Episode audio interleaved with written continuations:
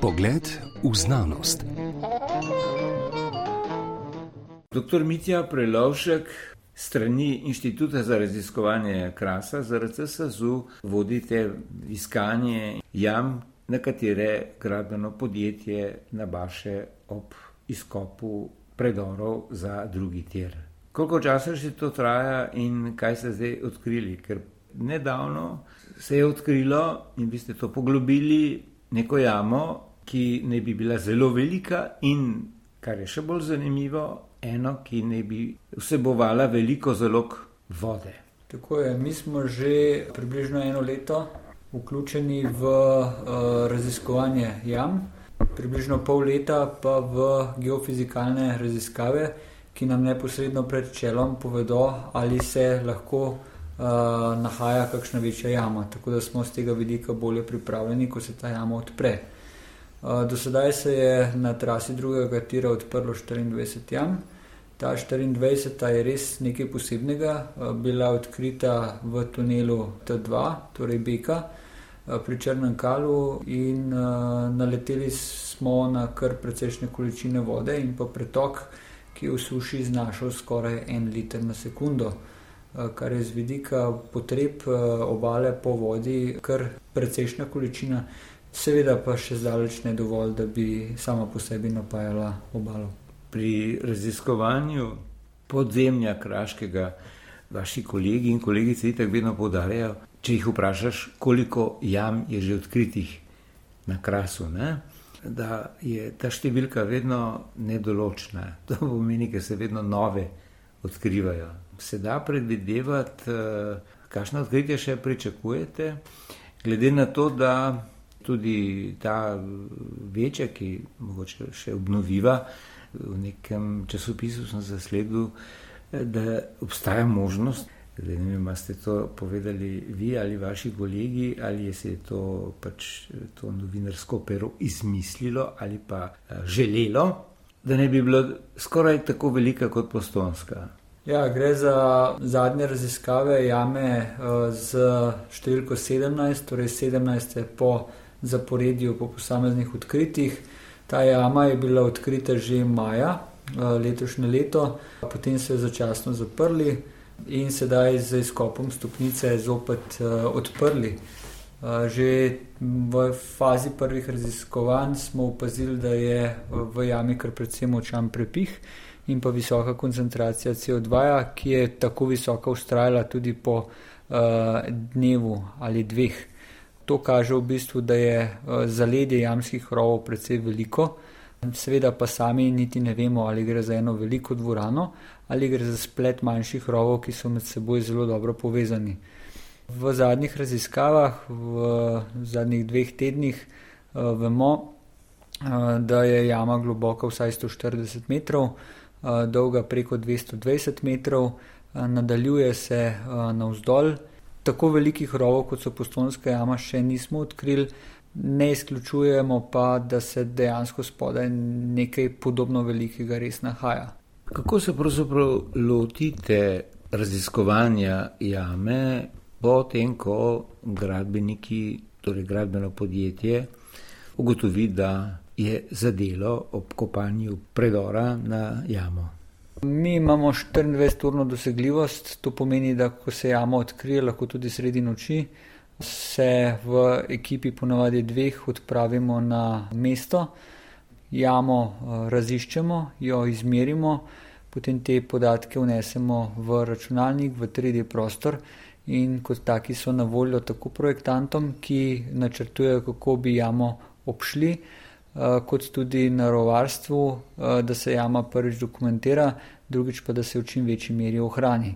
Tako da tukaj nastopa kar veliko strokovnjakov, eh, ki se s tako posamezno najbolj ukvarjamo mm, in smo usmerjeni v to, da se jame čim bolj zaščitijo, torej tisti del jame, ki leži izven kritične poti, da se ohrani. Po drugi strani pa tisto, kar se ne more ohraniti, da se iznosi tisti najbolj vreden material, eh, kot so kapniki, eh, kajti to bo v bodoče, oziroma že potekajo tudi eh, raziskave izotopske sestave in pa kemijske sestave teh kamnin. da nam kaj več povedo o sami zgodovini krasa in pa o podnebju. V morfologiji mogoče. Tudi v morfologiji same jame in pa okolice, ki je bila tukaj pred več milijoni let, kajti jame so zakladnice informacij, ki se nalagajo tako za obdobje razvoja človeka, kot seveda za daljše časovna obdobja, Eh, ko se je relief eh, razvijal, ko so rasle gore, ko so se ustvarjale doline, mm. ko so se uravnavali kraški eh, ravniki in pa nastajale vrtače. Govorimo o več milijonih oziroma več deset milijonih let. To je tudi razmeroma nedavno odkritje, ne, da niso te kraške jame, ki so seveda večinoma iz apnenca, mislim, da svet je le apnenčas, ki ga voda raztaplja, ustrajno, a počasi, da je starejši ta, ta podzemni svet, ne, pač razjeden, zluknjen, kot pa se je mislilo še do nekaj deset let nazaj. Ne. Včasih so se z zgodovino jam predvsej ukvarjali arheologi, ki so odkrivali v jamah človeka in pa tudi nekoliko starejše ostanke iz časa ledenih dob, torej za zadnji milijon ali pa dva milijona let. Če pa se datira nekoliko starejše kamnine oziroma sedimente, kar včasih seveda ni bilo mogoče, pa vidimo, da so jame tudi starejše od uh, prve poledenitve, uh, torej da izhajajo iz plivcena, vsaj posamezni segmenti jam, ko je bilo podnebje bistveno toplejše, ko ni bilo ledenih dob in so v območju Slovenije živele tudi opice, recimo v črno, črnotiškem kamnolomu so bile najdene opice vrste makaki. Vse to so presenetljive najdbe na nek način, po drugi strani pa tudi ne, kajti vsak milijon let se stopi približno 60 metrov kamnine. In če upoštevamo, da se je v Sloveniji uh, raztopilo ponekod uh, več sto metrov kamnine, imamo pred očmi uh, dejansko več uh, milijonov let star razvoj, uh, in tudi jame so pogosto stare. In tudi podatki, v bistvu, kako hitro rastejo jame v sedanjem obdobju, kažejo, da so to izredno šibki procesi, ki rabijo dolga obdobja, da sploh jama, tipa recimo postonska jama, nastane. S tem, da je apnenec ena najmlajših eh, kamnin ne, po nastanku. Apnenec pri nas je ponavadi starejši od 65 milijonov let oziroma 60 milijonov let. Mlajša kamnina od njega je Fliš v slovenskem primorju. Ne gre pa za nekakšne zelo, zelo stare kamnine. Torej, to niso magmatske graniti, pa to, ne? seveda, ne, jasno. Tako so v glavnini uh, kamnine srednjega zemljskega veka, torej mezocojka, kar mm. vključuje trias juro in pa kredo. Ker v glavnem so nastale tako, da se je eh, dvigovalo, ne? ker magmatske so, je bila pa lava. Pač, in potem se je strdila. Apnenec je v osnovi sedimentna kamnina, kamnina morja in uh, v teh slojih, kjer sedaj poteka izkop pri Lokvi, so bile v času odlaganja teh apnencev tudi močvirja in tudi posamezen premog se odlagal. To so bile tako obalne ja, ravnice. To sem tudi zasledil, da ste našli v eni od teh jam, zdaj v zadnjem času tukaj na trasi drugega tira premog. Tako mi sledimo sloje premoga praktično od samega portala. Pa vse do uh, sedanjega skopnega čela, 1400 metrov od samega portala, tudi v tej 140 metrov globoki jami na dnu, uh, smo našli sloje premoga. To niso neke ekonomske količine, ponavadi plasti premoga uh, znašajo nekaj centimetrov, redko več, uh, ampak kljub vsemu nam dajo informacijo o tem, kako je ta kamnina in v kakšnih pogojih je nastala. To je nastalo v anaerobnih pogojih, ko se je stisnila ta organska masa. Ne? Tako ta organska masa, material se je nalagala v močvirih, ki si k njim mogel zraven prideti in potem se lahko v tej meri ohranil. Gre pa v bistvu za sklepno obdobje življenja dinozavrov, torej za prehod iz krede v paleocen. Uh, Kršnih dinozavrov nismo odkrili, dejansko pa sledimo kamnine iz sklepnega obdobja življenja dinozavrov na Zemlji. Omenila se pravzaprav dve, rečemo, najbolj zanimivi eh, jami. Ne? Eno zaradi vode, eno zaradi velikosti. Ne? Ta zaradi velikosti je tam nekje na ravni pod krajem Loku, kjer, ne, kjer pa je, domnevate, več vode, kot ste jo videli, pa je pod eh, črnokalskim kamnolomom. Ne, posem dobro znani, predvsem po stari cesti, čez črnikal. Ne. Ja, gre za dve precej drugačni jami, sami po sebi. Eh, po eni strani ta pri Črnem kalu je vodna jama, je bila preden se je predor zgradil za 12 metrov poplavljena pod vodo. Eh, tunel je dejansko povzročil dreniranje te vode in spust za 12 metrov. Zaradi tega so bili tudi ukrepi potem prilagojeni na ta način, eh, da se je ta starejši naravni tok eh, kljub vsemu ohranil in pa da bo obloga v predoru zdržala ta pritisk vode, da ta voda ne bo pritekala v predor, ampak se bo še naprej po naravni poti pretakala naprej. Prišli smo tam tudi do sifonov, dveh, ki predstavljata podvodno nadaljevanje same jame. Po drugi strani pa ta druga jama v predoru T1, torej Lokev, pa preseneča za svojo globino, prostornostjo eh, brezen, ki so široka tudi do 10 metrov in pa globoka 50 metrov. Pa sedaj, eh, preteklo soboto, smo odkrili eh, galerijo, staro galerijo, dolgo več kot 70 metrov, ki je v zadnjem obdobju doživela tudi kar precej veliko poplav, namreč po sedimentih mi mhm. lahko precej vemo, v kakšnih pogojih se jama nahaja in v kolikšni meri lahko tudi vpliva na sam predor. In eh, obe ti našteti jami, sicer ste rekli, da jih je zdaj 24, ne?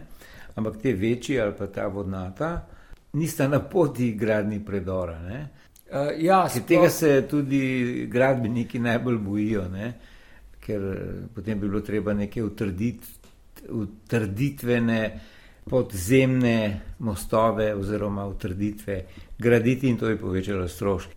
Tako za samo gradnjo uh, je najbolj ugodna čvrsta kamina, seveda prepustna za vodo, ampak kljub vsemu dovolj stabilna, da nosi samo predorsko cev. Jama pa je nek prostor, ki je bodi si napolnjen z zrakom, vodo ali pa s sedimentom in to predstavlja praktično vedno izziv pri premoščanju. Večja kot je ta struktura, večji kot je obseg teh rovov, teže je to dejansko premostiti, ampak zaenkrat se vse te večje jame nahajajo v veliki meri izven samega kritičnega profila, torej izkopnega čela, tako da ne vplivajo v veliki meri na predor, in po drugi strani predor ne vpliva v veliki meri na same jame. Mhm. Povrniva se še na kratko k samim protokolom. Eh, eno je pač ta ožji strokovni protokol, torej kako se vi lotite raziskovanja jame. Ne? Ne, potem dobite rezultate, potem pa povejte, kakšna je vloga zavoda za varstvo narave. V tem primeru gre za tistega iz Nove Gorice. Torej, kaj potrjujejo? Kaj potrjuje zavod za varstvo narave v tem kontekstu? Mi smo si tukaj kar dobro uh, razdelili samo delo, torej mi smo institucija, ki se uh, spozna na kras in pojame, zato jih lahko najlažje ovrednotimo uh, za vidika teh strokovnih podatkov, torej morfologije, hidrologije, tudi biologije. Uh, po drugi strani pa mi nismo narovarstvena organizacija in nismo državna služba, kar pa Zavod za varstvo narave je in je tudi pooblaščena za strani države, da lahko odloča o tem, kaj se za posamezno jamo zgodi. Torej, mi lahko damo neke določene usmeritve, ampak v končni fazi je zavod tisti, eh, ki jih potrdi ali pa prilagodi na način, da so za jamo bolj spremljive. Načrtem okoljskim eh, načrtovanja, kako. Eh, recimo konkretno te vodni jami pri Črnem kalu je bila usmeritev eh, zavoda, da se ohrani obstoječa cirkulacija vode. Hmm. To je pomenilo, da se je moral narediti eh, en obvod, da bodo vode v prihodnosti tekle tako, kot so v preteklosti. To je bila zahteva, ki jo je hmm. moral izvajalec realizirati neposredno na zahtevo Zavoda za varstvo narave. Ena od teh dveh jam je precej pod ravnijo načrtovanega predora, ne? tako da ne, ne bi motila ne? torej ta teža, ta masa, ki bo pritiskala na, na vzdolj, ne, ne bi bila vprašljiva, ne, recimo, da bi se odrla, če sem zelo prozaičen. Ja, konkretno ta jama 17 leži 130 metrov pod samim predorom, kar pomeni, da je vmes tako veliko kamnine, da na samo, eh, sam tunel jama ne more vplivati. Po drugi strani so bile po preteklosti že odkrite jame, ki so šle uh, od samega izkopnega čela uh, pod uh, predora. Ne. Tam pa je bila izražena skrb uh, same nosilnosti hmm. in v bodoče, ko se bo odseke tunela še poglabljajo, če se bo naletelo na kakšen prehod, bomo te jame vnovič izmerili, ker je zahteva potem, da so podatki čim boljši in da si tudi projektant na vse zadnje gre pogled situacijo, da res ne bi prišlo do kakšnih nepredvidenih dogodkov, kot je pač um, podiranje ali pa že samo pogrezanje mhm. uh, nosilne konstrukcije tunela. Koliko pa po vaših eh, izkušnjah je minimum distance med uh, načrtovanim predorom, ne, recimo nečem podobnim, ne, torej kar dela uh, človekov stroj in morebitno jamo. Ko, recimo, prej ste omenili 130 metrov, to se tudi sliši, ker precejšna distanca, ne, ampak obstaja kakšen minimum. V samem tunelu se izvajajo tudi geofizikalne raziskave. To so raziskave tal samega predora, ki sežejo brez problema 15 do 20 metrov globoko. In to je tisto območje, do katerega smo bolj pozorni. Seveda večja kot je jama in bliže kot je sami predorski cevi, bolj je ogroženo oziroma je večji konflikt. In na takih mestih se bo potem delalo tudi vrtanje, usmerjeno vrtanje, ki bo lahko potrdilo ali pa uvrglo predvidevanje, da se spodaj nahaja večji jamski prostor. Torej, temu se poskušamo na vsak način izogniti. Tudi če same jame ne vidimo, jo lahko z geofizikalnimi metodami vendarle zaznamo. Tako pred čelom, kakor tudi pod samo predorsko cevjo. Ko najdete jamo, ne, pa recimo v tem primeru, da jo najde podjetje, ki vrta za predor, ne, ko napredujete skozi njo, ne, seveda zaradi eh, gravitacije, veste, kdaj gre dol. Ne? Kaj pa če gre bolj ali manj tako v neko rahlo pošiljno smer? A si pomagate s kompasom, da veste, kam gre? Ja, in, vse, in še s čim? Mi jame izmerimo načeloma z kompasnimi meritvami, sicer nas nekoliko ovira tudi sama armatura, ki je železnata, ampak kljub samo deviacija ni tako močna, da bi posvečali temu kakšno zelo veliko pozornost. Eh, so bili pa primeri, ko je šla jama iz eh, glavne predorske cevi v servisno predorsko cev eh, in ko smo dejansko lahko testirali, če bo jama dejansko bila tam, kot smo izmerili. Namreč glavna cev ponavadi za izkopom nekoliko prehiteva servisno in presenečeni smo bili pravzaprav, da so naše meritve na približno 50 uh, metrih pokazale uh, samo nekaj decimetrov odstopanja. Uh, to, to je zanemarljivo. Ne? To je z vidika gradne zanemarljivo, tako da te naše meritve, čeprav so kompasne, jamarske, klasične, vendarle pokažejo kar precej dobro sliko. Po drugi strani pa razpolagamo tudi z sodobnejšimi metodami, kot je 3D laserski skener, ki nam z fiksacijo same mreže merjenja na obstoječe eh, geodetske točke v predoru lahko poda celo milimetrsko eh, natančnost, eh, ampak zaenkrat kakšnih potreb po tako podrobnem merjenju jame pravzaprav še ni bilo. Je pa je tudi na nek način dokument, kakšna je bila jama, preden se je dejansko mogla umakniti uh, samim izkopnim delom. Zdaj, koliko časa bodo še trajala ta izkopna dela za predore po načrtih, saj če, se, če ne najdete res še več jam, ki bodo povzročile tehnične zaplete, ne? torej, ki smo jih nakazali.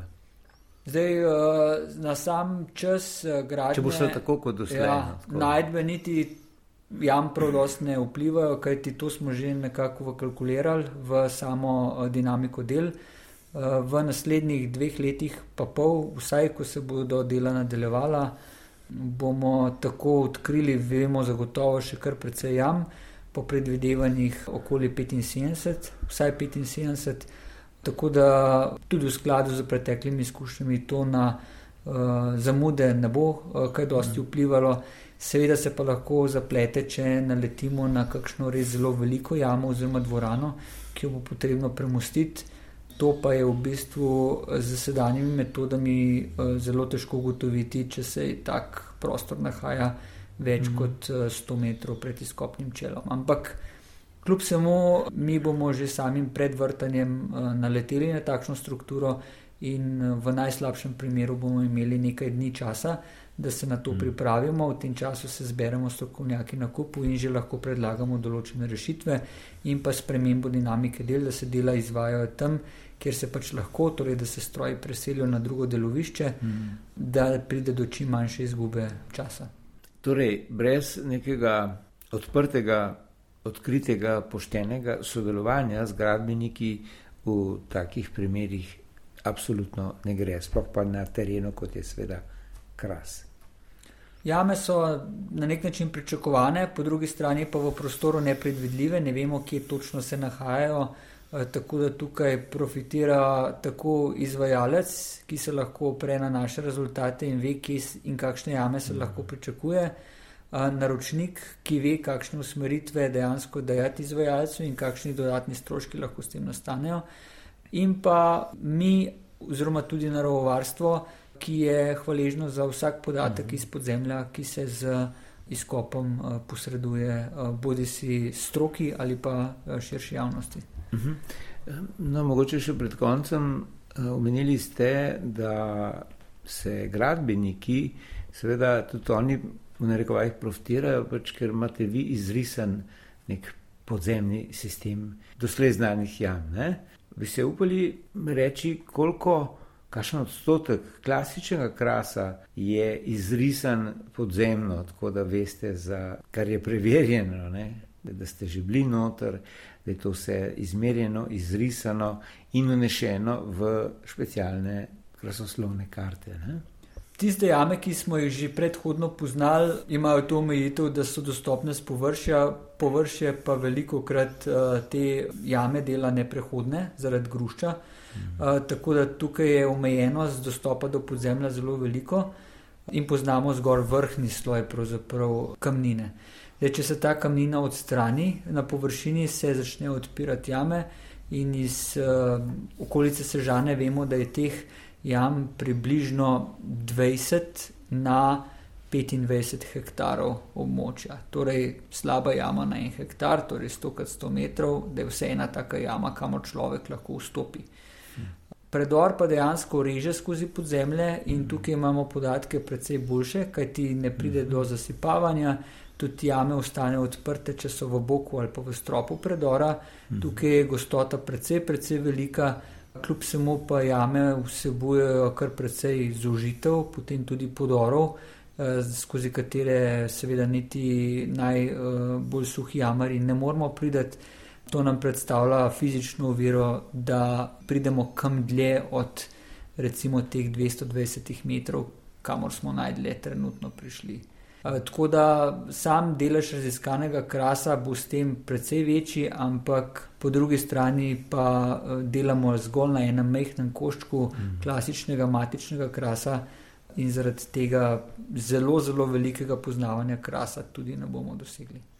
Doktor Mitja Prelovšek iz Nacionalnega raziskovalnega centra SAZU, torej Inštituta za raziskovanje krasa, hvala za ta pojasnila. Hvala tudi vam za priložnost, eh, da se sporoči javnosti takšne odkritja. Tele pogovor pa sem pripravil Goran Tenze.